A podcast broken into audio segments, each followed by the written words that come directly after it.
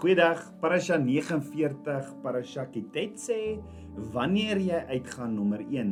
Ons gedeeltes in hierdie week is in Deuteronomium 21 vers 10 tot Deuteronomium 25 vers 19 en die Haftarah Jesaja 54 vers 1 tot 10 en die Bridesha die Nuwe Testament gedeelte Matteus 5 vers 31 tot 32, Matteus 19 vers 3 tot 12, Matteus 22 vers 23 tot 32 Markus 10 vers 2 tot 12 en Markus 12 vers 18 tot 27 en Lukas 20 vers 27 tot 28.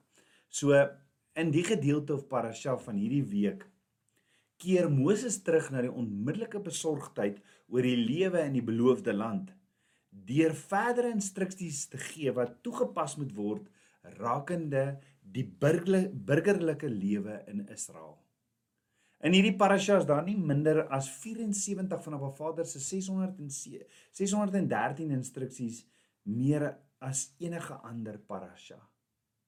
So ja, in hierdie parasha is daar 'n wye verskeidenheid instruksies wat verband hou met etiese oorlogvoering, gesinslewe, begrafnisse van die oor, oorledenes, eiendomswette en die menslike behandeling van diere, billike arbeidspraktyke en eerlike ekonomiese transaksies. So in die Torah gedeelte vir hierdie week sien ons in Deuteronomium 21 vers 10 wanneer jy uitgaan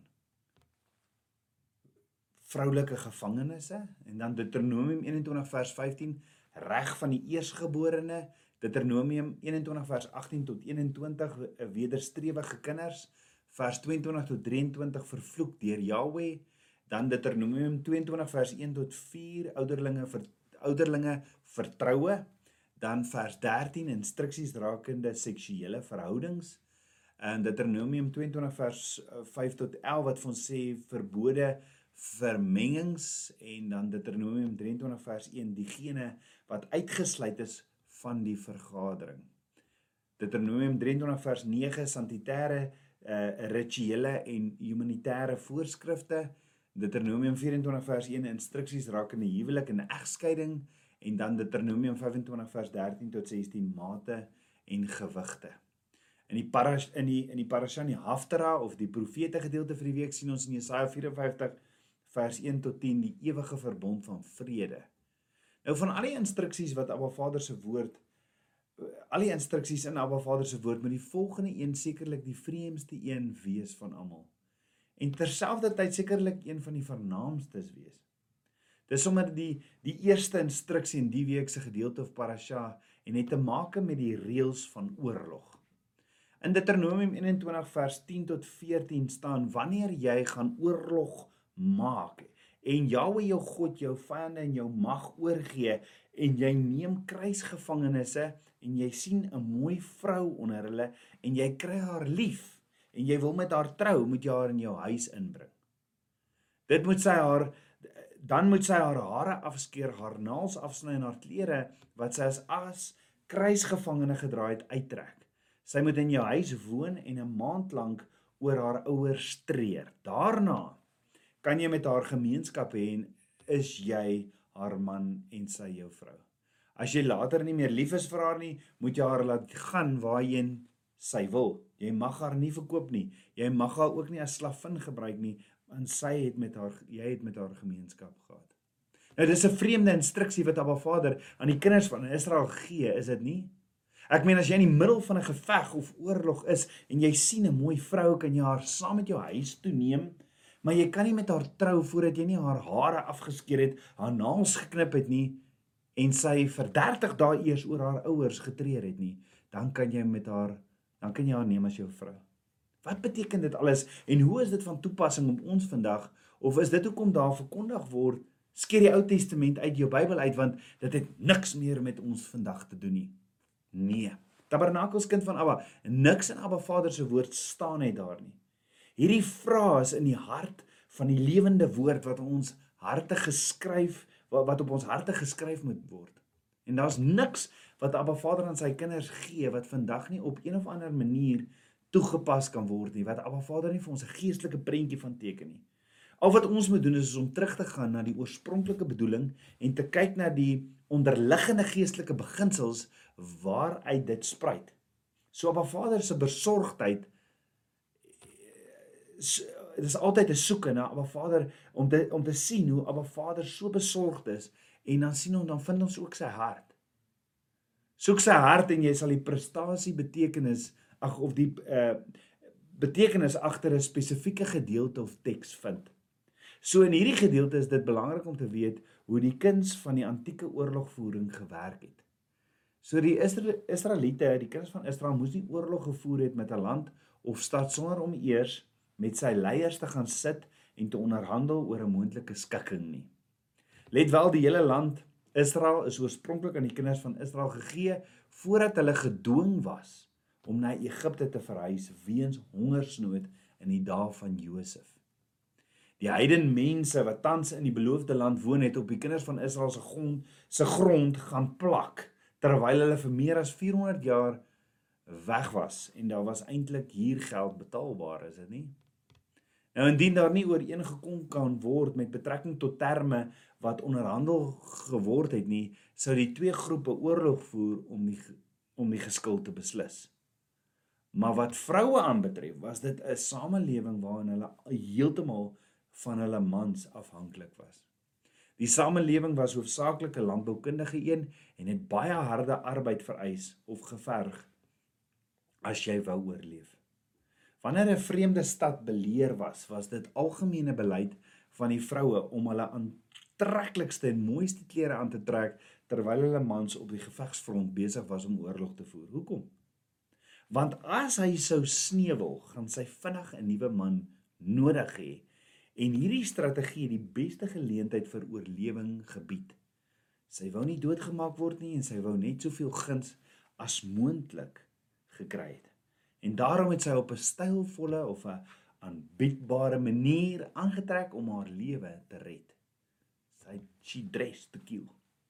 As 'n jong Israelitiese man dan aan die einde van die oorlog 'n vrou sou sien na wie hy baie aangetrokke was en haar as vrou wou neem, het Abba Vader 'n paar spoedboggels in sy pad geplaas om sy hormone in toom te hou en te voorkom dat hy iets uit selfsugtige ambisie doen of uit welis onwelvoeglik met haar oor met haar oortree.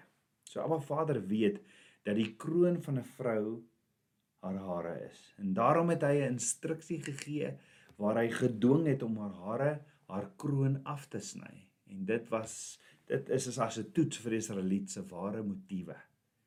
Hierdie proses het die vrou soos 'n man laat lyk. En omdat sy ook 'n uh, in rou was oor haar verlore man en familie, was dit wat aanvanklik aantreklik gelyk het sou miskien nou afstootlik wees.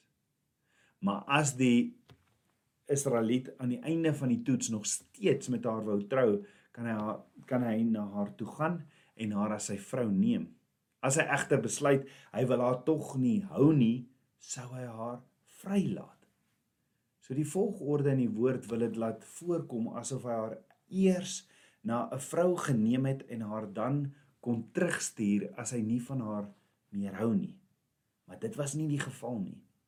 Die Hebreëse manier om 'n verhaal te vertel is baie keer in 'n Griekse kronologiese volg, is nie altyd in 'n dit word nie altyd in 'n Griekse kronologiese volgorde vertel nie. Selfs die die woordstruktuur in Hebreëus is agtervoort uit agtervoort uit uit ons oogpunt uit. Dit is van heeltemal van verkeerde kante. Maar ons sou sê in die begin het Abba Vader geskape, sou die Hebreëse taal sê in the beginning geskape Elohim. En hierdie selfde kom sê kom voor in Deuteronomium 22 vers 13 waar daar staan wanneer 'n man 'n vrou trou, kan dit gebeur dat hy 'n afkeer kry van haar nadat hy met haar gemeenskap gehad het. Die afskeid het niks te doen met haar vaardigheid om lief te hê nie, maar of sy 'n maagd is of nie waarvan die woord ons later meer vertel. Uiteindelik heel eenvoudig is die begrip van hierdie gedeelte dat Abba Vader 'n instruksie gee om verkrachting te voorkom en om seker te maak dat daar 'n regte protokol is vir die neem van 'n vrou as net liefde op eerste oogopslag. So die vraag is watse geestelike beginsel leer Abba Vader ons hier? Onthou Abba Vader se woord is 'n geestelike boek geskryf deur Abba Vader wat Gees is vir my en jou wat 'n geestelike wese is. En die ooglopende beginsel is dat Abba Vader ons leer dat ons nie besluite moet neem in die hitte van 'n geveg of in die hartstog van jou emosies nie. Want jy kan die vol, die volgende oggend wakker word en berou hê soos wat jy nooit gedink het jy kan hê nie. En die vyand probeer gereeld om situasies te benut waar daar baie druk is en dit is dit is die tye waar die geveg woed en jy die kwesbaarste is vir jou versoekings. Soms vereis dit dat ons onsself uit die situasie moet verwyder om emosies te laat kalmeer en wysheid van Abba Vader om sy regmatige troon te herwin. Met ander woorde, neem die ketel van die gasbrander af en dwing die water om af te koel. As die vyand jou kan kry om op op te tree uit vrees of uit druk, kan hy jou kry om iets te doen wat jy nooit daarsonder sou doen nie. Dit is op hierdie hare van die koppe afgeskeer oomblikke wat beteken dat ons alles verwyder wat ons aandag aftrek en dit alles te verminder na wat regtig daar is. Wat is die werklike waarheid van die situasie sonder al die emosies, angs, onrustigheid, spanning en pyn? Wat is die swart en wit? Wat is daaroor as ons al die afleidings verwyder? Deur die hare van die kop af te skeer is soos om die brandstof van die vuur te verwyder om te sien wat regtig daar agter is. Dis om emosies te laat kalmeer sodat ons helder helder kan dink. Tweedens gee die gedeelte duidelike instruksies aan jong mense dat wanneer jy op iemand verlief raak, moet jy terugstaan en jy moet dit stadig vat.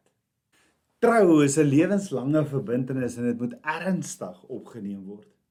Daar moet stappe geneem word om te verseker dat die liefde waarlik opreg is, dat alle partye met mekaar saamstem en dat dit van Abba Vader af kom. Dis 'n verbintenis tussen man en vrou en Abba Vader. En nee, dit gee nie toestemming om na 'n wagperiode van 30 dae met haar te trou nie. Of dit nou 'n eggenoot is of 'n nuwe motor is wat jy koop, die punt is dat jy baie stadig moet vat om baie groot besluite te neem. Ons moet dinge doen op Abba Vader se manier, nie op my en jou manier nie. En nie is nie net altyd impulsief nie. As ons vinnige besluite maak, verbrand ons ons vingers, ons maak foute en soms plaai hierdie fout ons dan vir baie baie lank tyd. Daarom watse besluite ook al hierdie week op jou pad kom, vat dit rustig, dink baie diep daaroor. Vra Abba Vader, ken hom en wag vir sy antwoord. Ken hom in alles en hy sal jou baie gelyk maak. Kom ons bid saam. Abba Vader, skepper van my hart, Abba, ek loof en ek prys U. Vader, dankie vir u woord wat die lamp vir my voet en 'n lig vir my pad is. Vader, vergewe vir my besluite en dinge wat ek doen sonder om u eers te raadpleeg.